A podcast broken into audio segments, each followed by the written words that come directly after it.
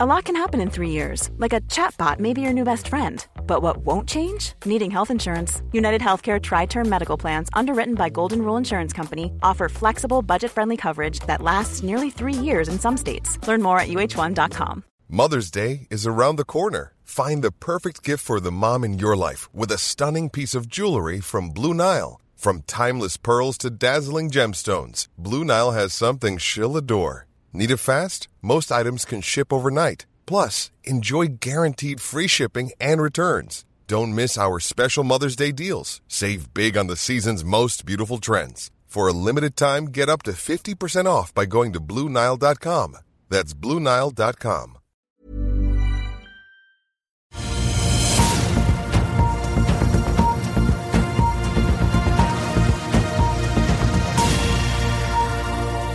En riktig god torsdagsmorgen alle sammen, og velkommen til Børsmorgen her hos oss i Finansavisen. Mitt navn er Marius Thorensen sammen med aksjekommentator Carl Månes fra Smestadammen her i Oslo på denne 9. november. En dag der SalMar er ute med sterke tall, men setter offshoresatsingen maker på vent. Hudley har hyret inn Pareto for å få hjelp til en strategisk gjennomgang, og Olav Thon Eiendom fortsetter å skrive ned eiendomsverdier. I tillegg så kutter også Autostore i guidingen sin. I natt så, så vi republikanerne debattere i Miami. Nikki Haley og Ron DeSantis leder jo an der med får vi si, en klart delt andreplass bak Donald Trump som takket nei til sin tredje debatt på rad og arrangerte sitt eget arrangement noen mil eh, lenger unna debattarenaen i Hialeah i Florida.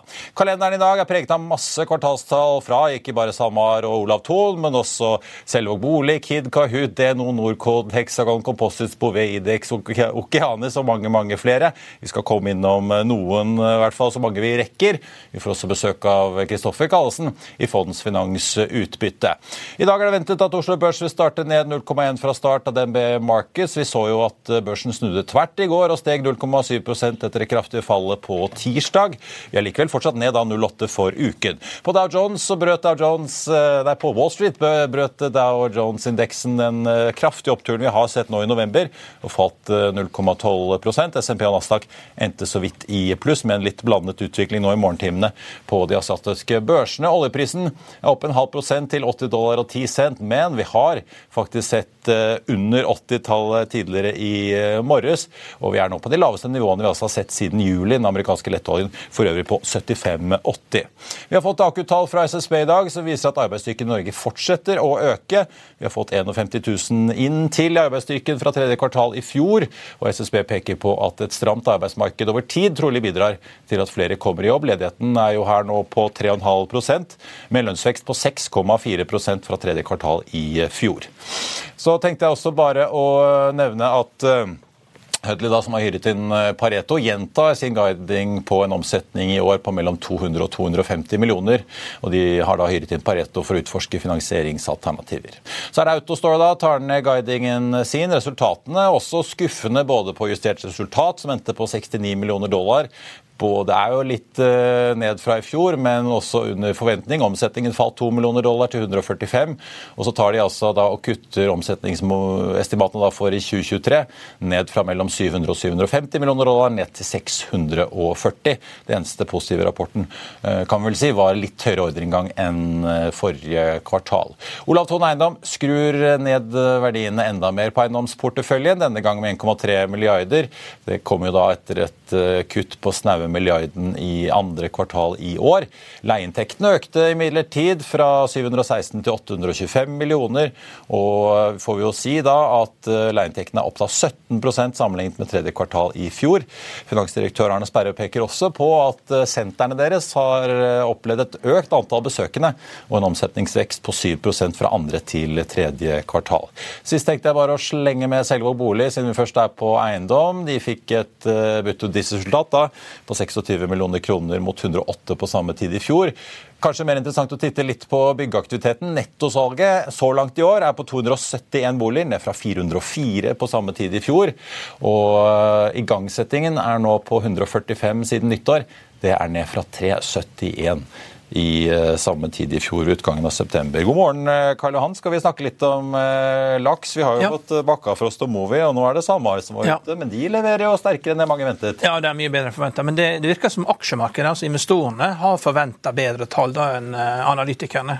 Så du har jo hatt P nær 20 på SalMar for i år, og de andre Bakkafrost var på 17 og Movi var på 12. og Og eh, Det er jo ofte sånn når du gjør en stor fusjon, da, så, så er det Analytikere hater jo bom på tallene, ikke sant? men når du kommer ut med operasjonelt EBIT på 2,3 milliard mot forventa 1,7, 600 millioner kroner mer, så har liksom markedet fått rett. da. Så Opp fra 1,3 på samme tid i fjor. da. Ja da, så det er, og, og det er liksom det, det er vesentlig bedre enn forventa. Det er sikkert mange årsaker til det, men likevel, resultatene er resultatene. slik at Da kommer jo SalMar ned. Altså På marginene så kommer nok SalMar-aksjen til å stige. Men markedet, altså aksjemarkedet har liksom sniffa ut etter at dette vil komme.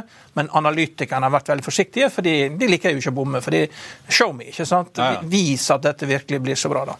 Og så har vi jo da dette samarbeidet SalMar Aker Ocean med da Kjelling Røkkes Aker, eh, hvor de nå sier at grunnet regulatorisk usikkerhet, så har de bestemt seg for å sette alt arbeid eh, med da offshore eh, på vent. Ja. ja, det betyr jo da på kort sikt reduserte kostnader. Ja. Ja. For det er jo fortsatt ikke vel avklart øh, om de da ble omfattet av grunnene til skatten på dette offshore, og dermed også får høyere skattefradrag på investeringer eller ikke. Det har i hvert fall øh, både SalMar-sjefen og andre i næringen snakket om tidligere, at de fortsatt går og venter på en avklaring der. Ja. ja. Så vi får øh, se. Du, jeg tenkte, Er du klar med, med julehandelen, da? Hva er det du lurer på nå? Har du begynt å planlegge? Nei, det, det bruker jo å være ønskelista er omtrent alt som er i Apple-butikken, så det er bare å gjøre seg klar til å se hva det blir. Men eh, jeg har ikke tenkt så mye på det. Vi får håpe kona sitter hjemme og ser på børsmål nå. Virke er nemlig ute med tall, sier at julehandelen skal opp 3 i verdi i år. Ja. Ifølge deres estimater til 133 milliarder kroner. Kid ute med tall òg. Kutte utbyttet litt grann, fra 3 til 2,75. Ja. Ja. Men eh, eh, jeg anbefaler jo da investorene her å høre på Petter Hermanruds gjennomgang av Kid på investordagen. Den ligger vel ute på feeden vår, gjør den ikke det? Det er jo en veldig god gjennomgang. Altså, det, det er det motsatte av eh, pute-TV. Altså, det er veldig bra. Ja. Du får en eh, bra pitch på sterke, fine gardiner, Ja, i hvert fall. ja, ja. Jeg tenkte ellers eh, Dagens Avis, da.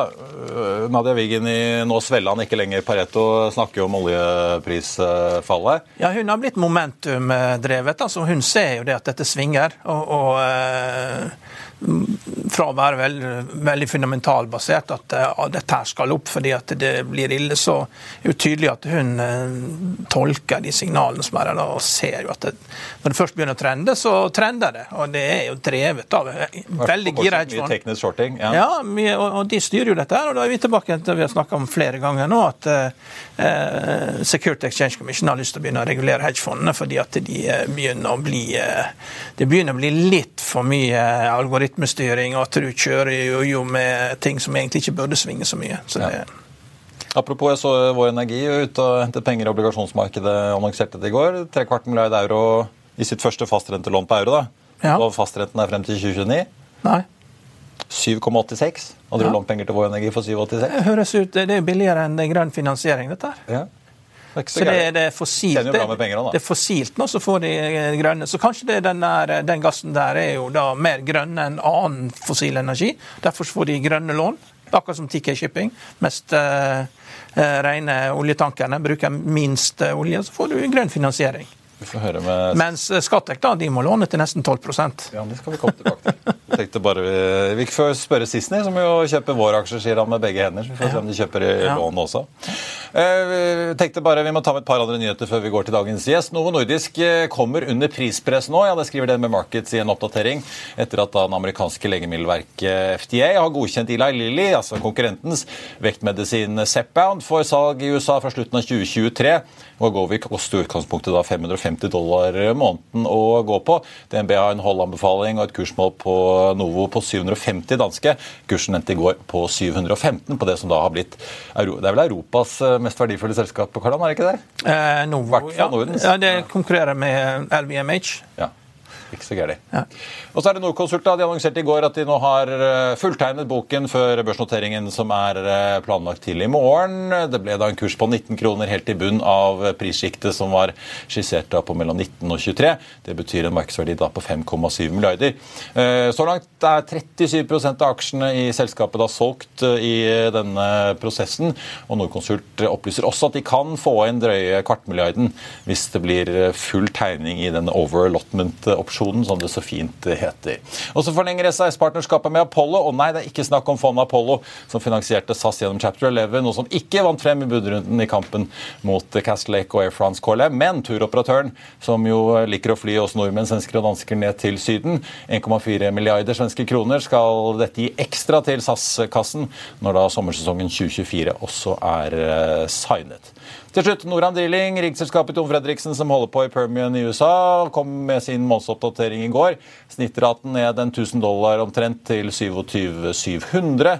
Én rigg til i drift. Det betyr at 9 av 11 nå er i drift. Uendret utbytte på 4 dollar sendt per måned. og Det må du da sitte på per 13.11 hvis du skal få de pengene inn på konto. Hovedindeksen på starter ned 0,4% med SalMar opp nesten 5 fra start. Vi er straks tilbake med Kristoffer Kallesen i Fondsfinans.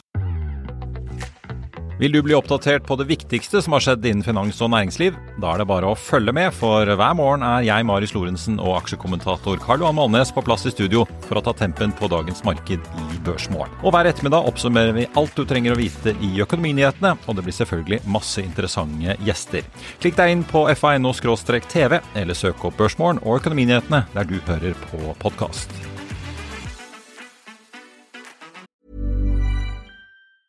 When you're ready to pop the question, the last thing you want to do is second guess the ring. At Bluenile.com, you can design a one of a kind ring with the ease and convenience of shopping online. Choose your diamond and setting. When you find the one, you'll get it delivered right to your door. Go to Bluenile.com and use promo code LISTEN to get $50 off your purchase of $500 or more. That's code LISTEN at Bluenile.com for $50 off your purchase.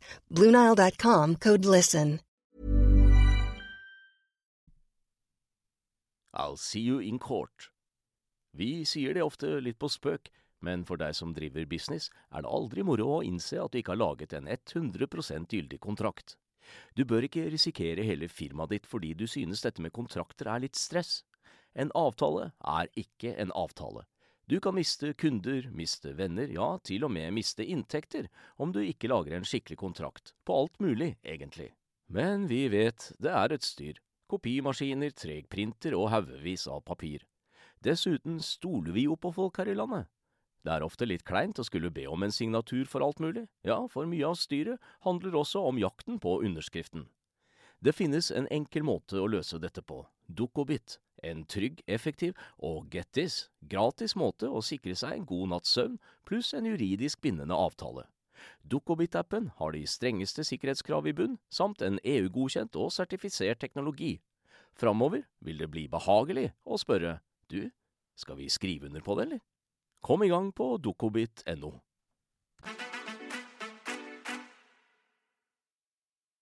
skal vi snakke om får vi si, utbytte. Vi har i hvert fall fått besøk av en portefølje, porteføljeforvalter som spesialiserer seg på aksjer som eh, i hvert fall skal gi god verdi og mye avkastning eh, på investert kapital. Kristoffer Kallesen i Fondsfinans, velkommen til oss. Tusen hjertelig takk. Takk, takk. Skal vi begynne med Når et fond kaller seg selv utbytte, mm. er det helt binært da at selskap, alle selskapene i porteføljen er nødt til å betale utbytter, eller har du litt mer fleksibilitet å gå på? Det er veldig mange som tror det er sånn, og da må vi kanskje ta litt selvkritikk da, som kalte det fondsdagsutbytte, men det er ikke tanken. da.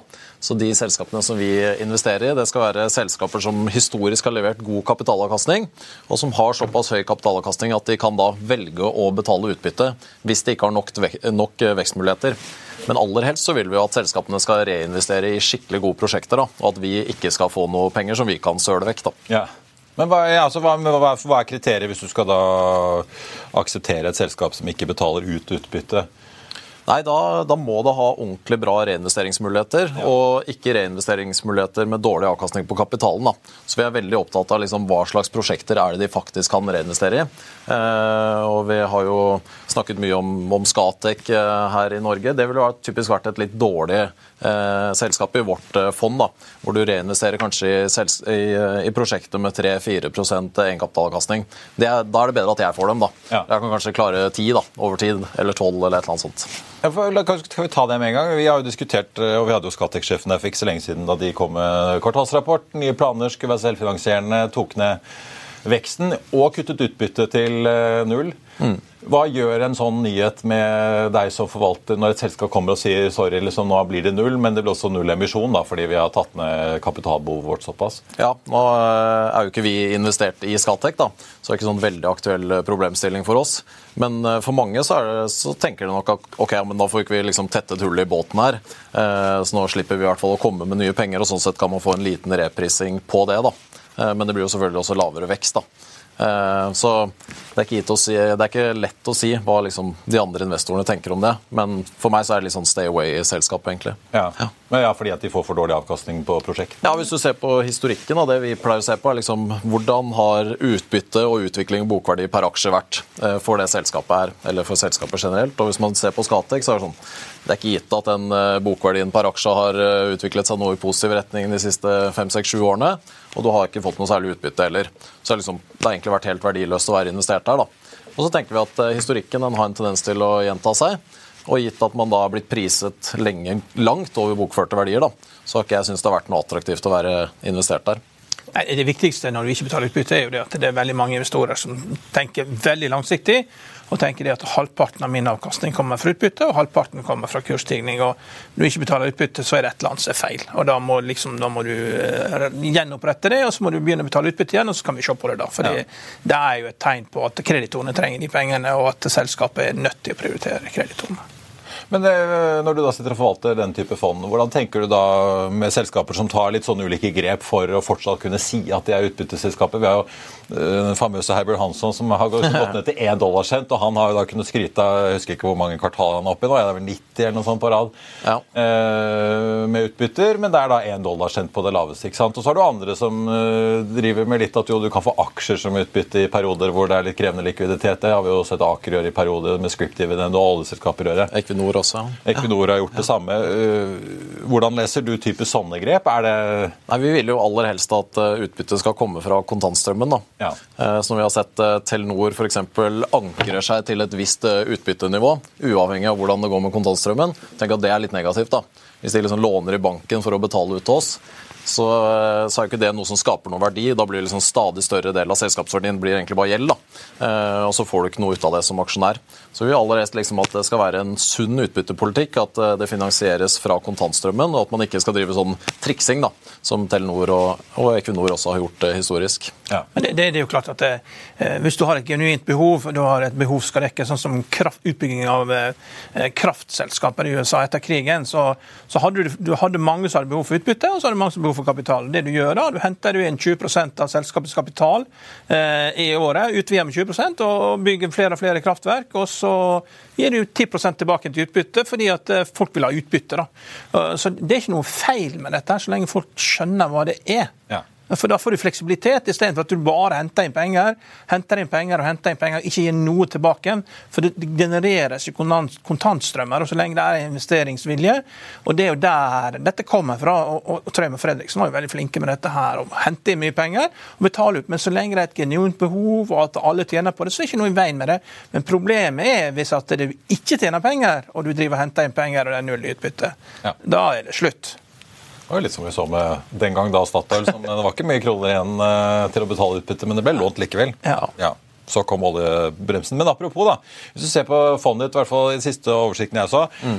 eh, Ikke helt overraskende sånn Storebrand, uh, Orkla, Gjensidige, som jo er kjent uh, utbyttenavn og relativt skal være litt sånn trauste og gode selskaper. Men også en god del olje. Equinor, Aker BP, også Aker, som jo implisitt sitter med masse olje. Mm i hvert fall disse oljeaksjene har jo vært, eh, oljeselskapene da, har jo hatt en veldig god direkteavkastning eh, en god periode nå. Mm. Liksom tosifret, i hvert fall på Equinor, så vidt jeg husker. Ja. Og så ser vi da plutselig så kommer jo oljeprisen litt ned. da. Mm. Hvordan tolker du det da når uh, du kan få en så pen direkteavkastning? Mm. Er det likevel noe, noe, som gjør at du holder igjen, eller tenker du bare at det er gøy så lenge det varer gitt at det, det er såpass mye av fondet? Masse som holder meg igjen. Uh, olje er jo kjempeskummelt. Det er jo enormt standardvik på oljeprisvingningene. Uh, og sånn som vi prøver å tenke på det, så er det sånn hva er en slags eh, kall normalisert oljepris, og hva slags eh, utbytteavkastning og hva slags utvikling i bokførte verdier får jeg på den normaliserte oljeprisen? Om den er 75 dollar eller 80 dollar, et eller annet sted rundt omkring der. Eh, så tenker vi liksom at vi må ha det som basis for investeringen vår, og skal kunne regne det hjem på den basisen. Om det da blir 90 en periode og direkteavkastningen blir veldig høy, så er jo det hyggelig, men det er ikke det som er basisen for investeringen. da. Men da vil vi typisk ha litt mindre oljeaksjer. da. Eh, når oljeprisen kommer opp der og, kursen også kommer opp der, så vil vi liksom ta litt ned bettet og egentlig snu rundt på det hvis oljeprisen er lav. da. Så jeg prøver egentlig å tenke litt motsatt. da. At eh, når det er høy direkteavkastning, tar jeg ned eksponeringen litt. Og når det er lav, så tar jeg den opp. da. Fordi eh, den tender, oljeprisen tenderer jo til å svinge tilbake igjen til et eller annet historisk snitt. da. Ja, Og det er som regel litt for godt til å være sant når du Nå er det sikkert litt, eller nå har det jo kommet ned igjen, da. Så Ja, nå begynner det å nærme vel, seg mer sånn historisk snitt igjen. da. 3-4% fall på alle disse oljeaksjene tidligere i uken. Men altså, ja, for det, når du, særlig da, oljeaksjene har det vært mye snakk om er det bare en bil i lavt priser fordi folk tenker at det er ikke så in fashion lenger å sitte med disse oljeaksjene, og da implisitt så får de en høyere kapitalkostnad, og de må øke avkastningskranen sin på prosjektene, men da blir det også en veldig pen avkastning. da. Det gjør jo det. Så det, er- det er jo noe av det som er skikkelig positivt for olje, er jo at de har blitt, egentlig, de har blitt mobbet fra å drive med oljeinvestering de siste syv-åtte årene. Eh, Så da har det blitt investert veldig lite, og det er jo lang ledetid på nye felter. Så du kan jo få en periode nå hvor det blir veldig stramt. Og så tror jeg det at hvis oljeprisen bare blir høy nok, så vil alltid oljeselskap investere. Og jeg har sett i USA nå at det er mer oppkjøp, mindre fokus på direkteavkastning. Eh, og det vil nok fortsette da, så lenge oljeprisen er høy. Selv om jeg tror liksom at i bunn og grunn at det er mer disiplin enn tidligere. Da. Jeg tror ikke vi får så mye, mange sånne oljesandprosjekter i Canada fremover. Det ser jo ut som de bruker eh, aksjer og ikke cash på å kjøpe disse selskapene. Da. Ja. Ja. Jeg, ser du har Austevoll Seafood i porteføljen din. Det er jo veldig godt utbytte. og Den aksjen får man jo av og til nesten gratis eh, i forhold til å i forhold til altså, legge til liksom verdien av Lerøy-aksjen de eier, så er resten gratis. da. Driver du og følger dette her, hvordan det, eh, og så trader du opp og ned liksom i en range på liksom stubben for den er verdt på Austevoll? Ja, på en, eh, på en måte så gjør jeg det. Så jeg, jeg, Hvor- så er- hva- Når kjøper du, og når selger du? Det avhenger litt av prisen på Lerøy. da. Ja. Eh, Så jeg tenker sånn som nå, så blir jo Lerøy priset i nærheten av det jeg vil kalle liksom breakup value av Lerøy. da. Hvis du hadde solgt Lerøy i dag, liksom lisens for lisens, så hadde du kanskje fått omtrent dagens kurs, og litt mer enn det. Og da tenker jeg at da kan man egentlig betale litt for de pelagiske assetsene i Austevoll. At det er greit. Eh, Men nå slipper du nesten det. da. Du betale 4-5 kroner eller noe sånt per Austevoll-aksje i pelagiske assets. Så den er ganske spennende. da. Du har masse oppside i Lerøy, og så har du masse oppside i de pelagiske. Så vi har kjøpt ganske mye Austevoll nå i det siste. da. Og så kan det eh, vise seg at det var helt elendig. Det er jo skrekkelig å eie Austevoll og Lerøy før tallene. Det blir alltid overraskelser. Pluss minus 10 det er ganske vanlig. Men ja, det går definitivt an å handle på det. Og hvis du da får eh, Hvis det pelagiske plutselig er verdt 30 kroner, så er det kanskje på tide å liksom vippe det ut igjen. da. Det er Et interessant case som du sitter med, eh, som jeg ser du omtalt i siste forvalterrapporter, er jo Will Wilhelmsen. Ja. Og hele, på en måte alle disse skjulte verdiene som ligger under, de sitter jo med en stor post selvfølgelig i Valenius Wilhelmsen, som jo eh, er en sektor med bilfrakt som har gjort det bra. Kan du forklare hvorfor går du inn i denne familieferden eller hva vi skal kalle det, for, eh, på en slags brett på at nå, etter mange mange år, skal det plutselig skje noe? Nei, Det er et godt spørsmål. Det er jo litt sånn som eh, Benjamin Graham, da, læremesteren til Warren Buffett. Eh, Han snakket om liksom, hvor mye skal du være villig til å betale for en boks med penger hvis du aldri kan få pengene ut. Og Det er jo litt spørsmålet her, kanskje. Hvor mye er det egentlig verdt? da? Gitt at du ikke vet liksom, hvor mye som faktisk kommer ut til aksjonærene. Men det er jo litt spennende oppsett da, at du har masse bra assets. Dette er ikke, sånn, ikke tulleassets, liksom. Det er ikke, det ikke Scatec eller deler av Aker-systemet med Horizons og Cognite og sånn som antageligvis burde vært eh, priset ned. Det er ordentlig bra selskaper som eh, ligger inni der. Og Likevel så blir du priset da med en rabatt på over 50 Og Så kan man jo spørre seg hvorfor er det sånn. Er det fordi at eh, Thomas ikke har lyst til å betale formuesskatt, så har interesse av å holde liksom, verdiene nede? Kommer det aldri noe utbytte ut til aksjonærene? Eh, Men jeg tror egentlig ikke det. da. Eh, Er det den familiekonflikten som ødelegger? Jeg tror egentlig ikke det heller. Jeg tror bare det har vært en del tøffe år innenfor bilskip. Man har hatt eh, litt sånn nær døden-opplevelser egentlig i VVI. Har vært usikker på må vi skyte inn penger i Vavi, må vi støtte de andre prosjektene våre med masse penger. Og så har de vært litt sånn tilbakeholdne. Først nå så kommer man inn i egentlig en sånn syklisk opptur for hele shippingporteføljen deres. da. Og Da er mitt base case egentlig at det kommer til å sprute penger ut fra VVI. Og at de da vil distribuere det ut videre, da, og Ja, ikke bli sittende ja, på det. ja. Så det er case, da. Og så tenker jeg ja, kanskje det skjer, kanskje ikke. Hvis det ikke skjer, så er det i hvert fall litt nedsidebeskyttelse i at man betaler 50 øre for en krone. Ja. Ja, for da snakker du mot bokførte verdier. Ja, eller min, min verdsettelse av de selskapene. Ja. Men da føler du du har fått signaler fra ledelsen om at eh, de har tenkt å faktisk utbetale Jeg har i hvert fall, eh, hvis det kommer bedre kontantbeholdning, eller? I hvert fall fått signaler på at de ikke har lyst til å bli bank. Ja. Ja. Så Det det, tolker jeg som uh... Men, men når du har gjort det du har gjort i utbyttefondet med å ta liksom inn aksjer som også Nordic Semiconductor, som kan bytte, er det fordi at dere har gjort en slags faktoranalyse på dette her, og sett at utbyttefaktoren alene på Oslo Børs liksom ikke nok til å gi god avkastning? Du må, du må juice det med selskaper som kan betale utbytte, som ikke betaler utbytte? Er det, eller er det moment, hva er det som gjør at dere lander på den strategien? Det er jo et uh, veldig godt spørsmål. Jeg tror jo sånn, i utgangspunktet Hvis man bare velger selskaper som betaler utbytte og som har bra kapitalavkastning, så er det bra nok. da.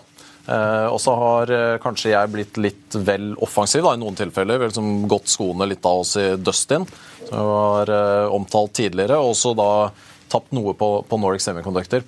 Og det er vel tanken om at eller Nordic Semiconductors tilfelle da, så var liksom, de har en veldig sterk markedsposisjon innenfor blåtannsegmentet. De bruker masse penger på alle mulige rare utviklingsprosjekter.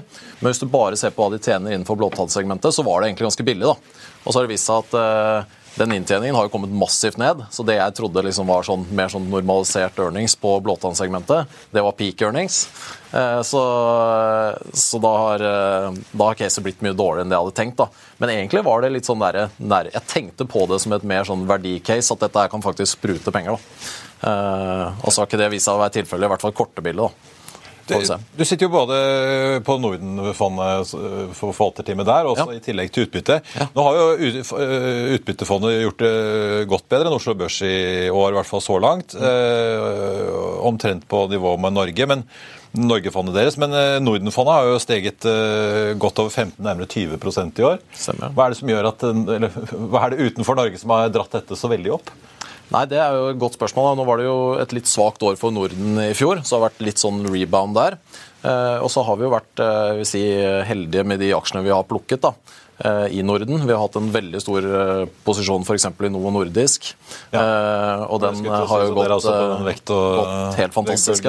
si, ja. Så har vi hatt eh, en, også en kjempestor posisjon i Protektor forsikring og et bitte lite svensk industriselskap som heter VBG, der vi på mirakuløst vis klarte å treffe en eller annen bunn, og den aksjen har jo steget ja, 70 eller noe sånt i år. Så, så det er noen sånne enkeltinvesteringer egentlig da, som har dratt, eh, dratt porteføljen vår, kombinert med at du liksom har fått eh, rebound i Norden. Og så må jeg høre, vi, snakket jo om Skatek, men vi må høre litt om Norwegian nå. For der eh, har vi et selskap som sier at de har lyst til å betale utbytte. Eh, Ja. Ryanair, konkurrenten, eh, kom jo nå og sier at de skal betale det var vel en 400 millioner euro i neste år.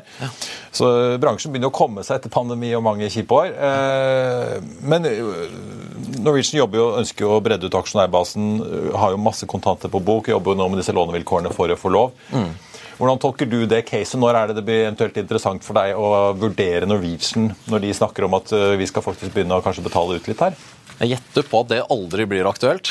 Er fly helt sånn ø, Ja, det er, det er off egentlig det. limit? det er egentlig det. Så fly i utgangspunktet er jo helt uh, forferdelig industri. Ja. Buffett har jo snakket om det flere ganger, at eh, hvis du hadde vært en eh, fornuftig eh, kapitalist til stede når man liksom begynte å fly første gangen, så skulle kapitalisten bare ha skutt ned flyverne. Så hadde vi sluppet hele den industrien. Eh, så det er jo det er en industri som har vært veldig dårlig over tid. Så liksom skapt null verdi omtrent. Og så kan man jo argumentere for at nå er det annerledes. da. Liksom, bransjen er mer konsolidert, de kan operere, Norwegian kan operere sammen med SAS i et slags duopol. Men så er det alltid ting som skjer. Så blir det høy fuel-kost, og så forsvinner lønnsomheten der. og Så dårlig makroøkonomi, så reiser man mindre. Så det der blir Det tror jeg aldri blir bra. Det er ikke så, det, det, det var en periode rett før pandemien at vi klarte å skape høy lønnsomhet i, uh, i USA. På, Men årsaken til det da, det er jo alltid noen som må betale. Før har det alltid vært aksjonærene, men det var passasjerene som måtte betale. Så du sitter der så må du betale 2000 dollar for en økonomiklassebillett. ikke for- billig å fly domestic. Liksom Ja, domestic i USA. og For et midtsete fra Chicago til Austin. Jeg tenkte shit, dette her er feil. Men da, sant, da har liksom McKinsey-konsulentene fått lov til å leke seg litt med regnearkene og, og liksom Ja, du må ta mer betalt, ikke sant? Og så bare litt mer greenflation inn i dette her. Og, og, og da fungerer det, det, Men det er alltid noen som må betale eh, regninga. Og eh, noen, eh, før var det veldig billig olje. ikke sant? Det var bare 5-10% av kostnadene. Nå er det helt opp i 50 ja. Og Så presser man ned pilotlønningene, og nå kommer de tilbake igjen. Til slutt da, så liksom, nei, men det er faktisk passasjerene som har betalt for dette. Men til slutt da, så blir det for hard konkurranse, og da sprekker det. altså. Mm. Så det er ikke noe Geir Karlsen og Sveinar kan gjøre for å friste dere inn også? Nei, Det må være ekstremt billig i så tilfelle. Ja. Uh, men det er litt kjipt den der dynamikken med at du har så høye faste kostnader, og så det insentivet til å fylle det siste setet, det gjør at du alltid vil prise lavt. da. Ja. Så, uh... Jeg måtte spørre siden det er et selskap som da skal begynne for en gangs skyld med å betale utbytter. Altså, hvis, du, hvis, hvis, du regulerer markedet. Da tjener de penger. Da kan det bli bra. Og, og eh, det, Man skal jo aldri si aldri. Altså, det, hvis, hvis, de får det sånn, hvis, hvis du liksom konsoliderer markedet nok, og du skal, hvis du skal virkelig bli grønn og du skal få ned utslippene, da må du regulere markedet. For ellers så eh, Det er for, det er for det tilfører personer så mye verdi å fly at du vil jo bare fly hele tiden. For det er faktisk utrolig billig tjeneste. Ta det til en annen planet omtrent for nesten ingenting. Det heter EUs kvotesystem. Det kommer. Det kommer, det kommer ja. ja, ja. Blir... Karlsen har løpt rundt og advart om at det blir færre og færre kvoter fra 26 eller hva det heter. Ja, da, det, da kan det bli lønnsomt. Ja. Vi får jo Nordkonsult inn på børsen i morgen. Eh, er den type selskap interessant? Altså, fordi En ting er åpenbart olje, forsikring, bank. Det er jo en del sånne sektorer som eh, åpenbart fungerer. Kapital, eh, store kapitalinvesteringer. Mm.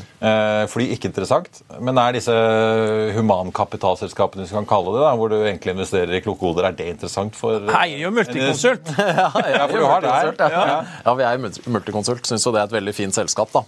Det, er også en type selskap som kan være aktuelle? Absolutt. absolutt. Der har du jo ikke, ikke noe kapital, selvfølgelig, så du har egentlig uendelig kapitalavkastning. da. Binder selvfølgelig litt uh, arbeidskapital. Men så lenge de vokser, så skaper det enormt med verdi. Bouvet er jo et sånt type eksempel, riktignok IT-konsulent, da. men det er vel et av de aller beste selskapene på Oslo Børs siden de ble børsnotert. Ja. Uh, og Norconsult kan garantert bli bra, det også. Akkurat som at Multiconsult eh, kan bli bra. Men der er vi ikke med da, i Norconsult. Så det er mer det at uh, sluttmarkedet nå ser litt sånn halvshake ut, syns vi. Mye eksponering mot uh, byggenæring. og da er det jo sånn, Hvis det først blir overkapasitet på konsulentsiden, så er det veldig lett å tenke seg at ja, kanskje ikke marginen skal være 10 da. Det er fortsatt bra business på 5 og da ser det plutselig ikke så billig ut. da. Så, så, det er vår veldig enkle analyse. Men kan godt hende at vi blir aksjonær på et eller annet tidspunkt. Eh, kort til slutt, jeg ser Du sitter jo både i Storbrann Protektor og Gjensidige. Nå skal både Storbrann og Gjensidige ha kapitalmarkedsdager frem mot uh, jul. og begge, Både Storbrann og Gjensidige har lovet at de skal sende sjefene sine hit for å snakke om hva de kommer med, så vi får se. Men uh, Storebrand leverte jo veldig bra tall nå her nylig og steg jo pent på det. Har du noen sånne store forventninger til disse to her for at de fortsatt skal være um, aktuelle og interessante? Det er jo selskaper som eh, bygger sten på sten, og som jeg er ganske sikker på eksisterer om eh, ti år også. Priset eh, relativt rimelig. Så jeg tror ikke det er sånn Det er ingen av de to som blir noen nyttårsraketter. Herman kommer ikke til å ta med de i porteføljen sin. Men jeg tror du kommer til å bli belønnet godt på liksom tre til fem års sikt hvis du blir sittende med det. Ja. Så det er jo kjedelige svaret. Det er ikke så veldig tabloid. Skal vi se om Grefstad får gjennom Han mente jo forsikringene måtte opp med 10 i kost til oss alle fra nyttår, så vi får se. Ja. Hva han klarer å få gjennom i markedet? Jeg traff en forsikringsmegler i helga. Han regner med å få mye å gjøre. Vi får se. Vi får se hvor mye telefoner vi får i starten av januar. Stoffe Karlsen i Fondsfinans Utbytte, tusen takk for at du eh, kom til oss. Hovedindeksen på Oslo Børs ned en kvart eh, prosent nå. Hudley ser ut til å bli en av dagens vinnere med en oppgang på 17,5 prosent. Eh, de varslet da en gjennomgang av finansieringsalternativene sine. Pareto og Hyretin. Autostore stiger 11,5% på sine tall, eller altså kutter guidingen. Litt overraskende, kanskje. Okeanis mye omsatt, de også, på sine tall. På mest omsatt-listen ligger de høyt oppe over det DNO, som også er ute med sine tall. Eh, både Okeanis og DNO ligger ned en 7-8 SalMar ser ut til å bli børsens mest omsatte i dag, med en oppgang nå på nesten 6% Jeg nevnte jo Hexagon. da, Det er opp tre kvart prosent i dag. De fikk et resultat på 60 millioner kroner i tredje kvartal. Langt opp fra samme periode året før, da de endte på 7, men det var også da ventet rundt 60. Så er det da DNO. De fikk et brutto resultat på 72 millioner i tredje kvartal, ned fra 249 på samme tid i fjor. Men oljegassprisene har jo også da kommet eh, ned. Tallet fra DNO var litt svakere enn det som var eh, ventet. Utbytte blir på en kvart dollar per eh, aksje, får vi også ta med der. Karl Johan, eh, mye som skjer denne uken utenfor Norges grenser også. Det har vært metahøring av Kongressen og Disney-tall, men kanskje vi skal begynne med tallene fra dette brikkeselskapet ARM, som gikk på børs for ikke så veldig lenge siden. ARM kom på børs til 51 dollar. I går så kom de vel på 54 eller noe sånt? Ja, ja, den, ja men den falt under eh, IPO-kursen sin i går etter børs, etter kom tall. Og tallene er helt katastrofale. Det er inntekter på 644 millioner dollar, tap på 110 millioner dollar. Og eh, Det er ingen vekst i salget fra i fjor, det er ingen vekst i salget til neste år. Men det de, det selskapet gjør, da, de, de designer energieffektive chips. da, eh, og det har vært veldig nyttig for eh, mobiltelefoner. Det finnes jo nesten i alle smarttelefoner. Ja. Og det de. Men det er klart at uh, penetreringa der er jo sånn Nå, går det ut til andre områder, altså biler og alt mulig annet. da. Men, men hoved, hovedproblemet her er jo at market capen her er jo 55 milliarder dollar. altså Det handler jo til 20 ganger salg eh, uten vekst, med tap. Og så og så er jo det selvsagt sånn at uh, du, du, kan gå på Du går til Kramer, og så får du ti minutter på Mad Man Money, og du, han får jo det ut uh, Det er jo ingen kritiske spørsmål. Det er jo helt katastrofe. og Det er bare sånn Ja, du har jo jobba i Nvidia, og, og, de har GPU-er, og du har CPU-er, og dette skal ta av. Det er liksom ai, ai, ai, ai, ai. Denne her skal langt ned, altså. Vi har gått fra en omsetningsvekst ja. på 28 da frem til Q3. Null guidet vind og videre, da. Så det er jo ganske bråstopp. Ja, det er, ja. ja, det er helt katastrofe. Men, det, det er, det men, men dette her er sånn Softbank trengte penger. Uh, Wall Street trengte penger. Nå må, nå må, vi finne på et eller annet. Altså, Wall Street sitter ikke og ser på at, du, at Bearmark skal komme. De, de, de, må ha noe å gjøre. ikke sant? Og Da må du videre, videreføre. Da må du fortsette å blåse den bobla du allerede har. Og da blir det ai, ai, ai, ai, ai for alle pengene, og det er jo bare luft. Det er the mother of all bubbles. Det er complete bullshit. Mm. Så ja, og, og, dette er den verste aksjen, sannsynligvis. ARM. Synes... Og, og, det er klart, men Jeg så på aksjonærlisten, og heldigvis da, så er det ikke det er ikke noen av det, det er ikke alt, er, Når du selger da 10% av et selskap, og, og 30% av de som sitter der ute, er indeksfond, så er det klart at du har potensielt veldig mange kjøpere. Da. Men sånn som det ser ut, da, så er dette her er, det er bestemor sine penger som har blitt investert av uh, tante og onkel i styret. Altså. Så det er, det er uh, dette her er, dette er nesten svindel, altså. Ja. Nesten svindel. Og, og uh, hvis, den ha, hvis den aksjen faller raskt, slik at det blir store tap, så kommer advokatene til å se på dette. For dette, dette første resultatet etter IPO-en, og det er katastrofale tall. Det, det, sånn skal det ikke være. Du skal ikke tape 110 millioner dollar på et kvartal rett etter du har gått på børs. Er, og, de, og, Kramer han stiller ikke ett kritisk spørsmål. Han skulle vært avskilta. Oi, såpass, ja. Ja, såpass. Det er show, vet du. Ja, ja det er show. Man, man er show. Ja, I'm here to take, I'm here to take care of your money. Ja, men det er jo selskapene. Han jobber jo for selskapene, ikke for investorene. Nei, fordi jeg tittet gjennom litt, og det jeg var litt artig, da, som de opplyser. Nett innkom på minus 100 millioner dollar, som du sier. Men det, det peker på en av grunnene til dette er at de brukte altså 500 millioner dollar i kvartalet på, på kompensasjonsordninger til ansatte i aksjer under IPO-en. Jo, ja, men det, alt det, der, og det kommer 150-250 til. Altså, ja, det er kvart det dollar, da. Ja, ja, men likevel, det, de deler ut til ansatte i forbindelse med børsnoteringen. Så dette har jo kostet. Men det viktigste er at det er ingen, det er ingen salgsvekst. Ja, nettopp. I et selskap som da ikke lenger vokser. Ja. ja.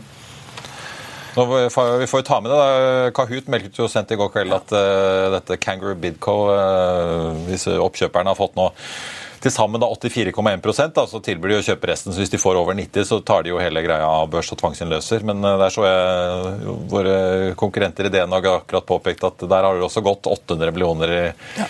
i gebyrer til rådgiver og alle mulige parter involvert underveis her. Så selv om det ikke blir tatt av børs og kjøpt opp, så det jo, er det noen som har fakturert løpet, Ja. ja.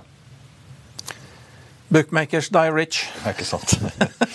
tenkte, vi, må, vi, må, innom litt uh, Disney-tall nå steg veldig etter etterhandelen i går på enda mer kostnadskutt fra Bob Iger og overraskende sterke streamingtall. Lover at de skal få dette her i pluss til slutten av september neste år når regnskapsåret 2024 avsluttes.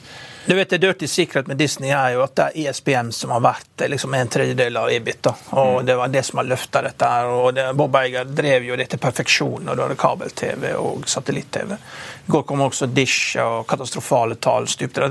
Realiteten er at uh, Disney bør selge hele ESPN. At det er noen andre som bør Store selskaper Ser jo til partnere sine. Da, ja, men det, det, er klart de setter partnere. De bygger jo opp ESPN digitalt, da. Men det er realiteten. Du, på lang sikt så er dine konkurrenter Apple, Amazon og Google. Og ett av de tre selskapene bør kjøpe ISBN e og ta over hele streamingen. Fordi Disney er for lite. Apple kjenner hverandre godt. Det kan jo være at uh, ja, men det, han er ikke interessert. De har jo vært interessert i sportsting. Uh, ja, men, å snuse på det. Jeg tror ikke de er interessert. Det, det, kan, det, det, kan, være sånn at du får det inn da ved at du begynner med et samarbeid, fordi at dette er bare altfor stort. og, og Eh, park er veldig lønnsomt, men det krever også enorme investeringer.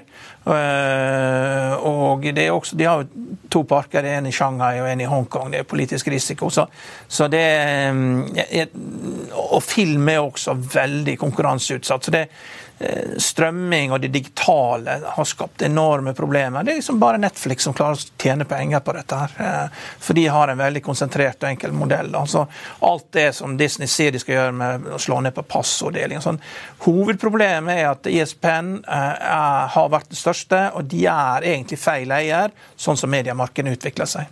Men er, nå skal vi inn i en nedgangskonjunktur, så det er, ikke, det er ikke så lett å selge dette. Det, så det er kanskje riktig da, å finne en partner som så ender opp med å ta over ISBN og digitalisere. Fordi et, et selskap som og Den som får mest verdi av det, er jo Amazon. fordi at de, de eh, blir jo ren annonse. ikke sant? De kan bruke til å annonsere for seg selv. Eh, og Eh, Bezos er jo fortsatt i den typen at han liker jo Han er jo expansion mode han flytta til Miami. og uh, Jeg vet ikke om han gifter seg med en kjæreste med hun latina chicken, men det er jo uh, han har jo en latinsk kjæreste og har flytta til Miami, så det, uh, det, kommer jo til å bli Det kommer til å svinge rundt han de neste årene. Han var jo, det var visst der hans familie bodde da han vokste opp, så han er jo kjent med byen. Så det er jo stor forskjell fra å flytte fra regnet i Seattle til solen i Miami. Så hvis at, og, og Disney er, er jo mye i Florida, så det er, det er kort vei. så det, det er kanskje, Hvis, at, hvis at Disney vil selge seg til Apple, så kan de tro med at Amazon kan kjøpe det. Og de er troen til å kjøpe ISBN, e og, for de, de får størst verdi av det tror jeg. Inni Amazon eh, Prime. Jeg tenkte var interessant ja. å nevne som å følge med på reiseliv, da, den Experiences-divisjonen i Disney hvor parkene ligger. Omsetningen ser altså 13% økt antall besøk, og også prisene er økt. Men de bemerker at hotellbelegget i Florida er noe lavt og driftskostnadene er høye. Men det lover jo bra for virksomheten globalt, da. Det er klart, nå sitter At det er såpass bra trøkk på parker, og folk reiser og har lyst til å Sitter der flyr inn og tar alle sine 10 000 ansatte i tre dager på Disney. Det er mange, mange firmaer som har mye å feire, men det, det behøver ikke bety at eh, det, privatpersoner altså det er jo, altså når, når, du, når du er i en Disney-park så, så du, du, bare, du, bare, føler hele tida at uh, Mickey Mouse han skal ha deg til å bruke pengene der han får høyest dekningsbidrag. Ja, ja. Altså, du, du, det er eksklusive restauranter inne i Disneyparken, men du får ikke bestilt. da. Og til slutt da, så ender det opp med at det pokker heller, det eneste jeg får kjøpt her, det er liksom det eneste fornuftige for å fòre familien på en effektiv måte. Ja, Det er liksom, det er brus og en pizzaslice. Og hva er det han tjener mest penger på? Jo, det er brus og pizza. Brus og pizza jeg bare synes det er interessant, for det er jo nok et eksempel i rekken på reiselivsaktører. Vi hørte jo Norwegian her forrige uke. Fortsatt ikke tegn til uh, noe svakhet i reiseiveren utover de vanlige sesongmessige svingningene. Så det virker ikke som folk slutter å reise og vil oppleve ting. Fly det er, det er som heroin. vet du. Når du først begynner med du klarer aldri å slutte. Det blir uh... Så er første tur gratis når du har barn, i hvert fall. Ja, ikke sant? Takk skal du ha, Karl Han. Jeg tenkte bare på slutten å nevne at eh, hovedveksten har hentet seg noe inn fra starten, men vi ligger fortsatt ned rundt 0,2 nå. SalMar, eh, Selvåg, eh, begge opp, godt opp på femtallet i pluss nå etter sine kvartalsrapporter. DNO ligger ned nesten syv. Hexagon har klatret enda litt lenger oppover og ligger opp snaue prosenten nå på sin kvartalsrapport. Okeanis har falt enda litt lenger ned, ligger ned 9,3 på sin kvartalsrapport. Og så er det Autostore, da, som etter å kutte guidingen presterer kunststykket og stiger stiger nesten 10% på Oslo Børs. Hudley opp 17,5 på sin rapport og melding om en strategisk gjennomgang. Det var børsmålen for denne torsdag 9.11. Husk å få med deg Økonominyhetene 14.30. Da får kollega Stein Ove Haugen besøk av Selvåg boligsjef Sverre Molvik. I mellomtiden så får du siste nytt på FA1 og gjennom hele dagen. Ha en riktig god torsdag alle sammen. Vi ses.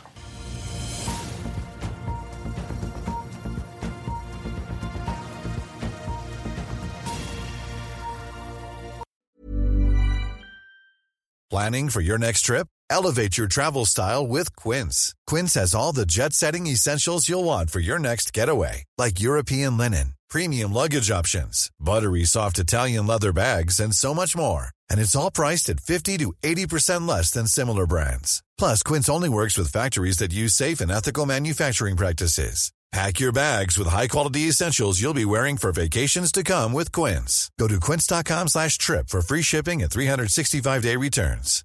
When you make decisions for your company, you look for the no-brainers. And if you have a lot of mailing to do, stamps.com is the ultimate no-brainer. It streamlines your processes to make your business more efficient, which makes you less busy. Mail checks, invoices, legal documents, and everything you need to keep your business running with stamps.com. Seamlessly connect with every major marketplace and shopping cart. Schedule package pickups and see your cheapest and fastest shipping options from different carriers. With rates up to 89% off USPS and UPS rates. And with the stamps.com mobile app, you can take care of mailing and shipping wherever you are. Make the same no-brainer decision as over 1 million other businesses with stamps.com. Sign up with code program for a 4-week trial plus free postage and a free digital scale. No long-term commitments or contracts. That's stamps.com. Code program. Økonominyhetene er en podkast fra Finansavisen. Programledere er Marius Lorentzen, Stein Ove Haugen og Benedikte Storm Bamvik. Produsenter er Lars Brenden Skram og Bashar Johar. Og ansvarlig redaktør er Trygve Hegnar.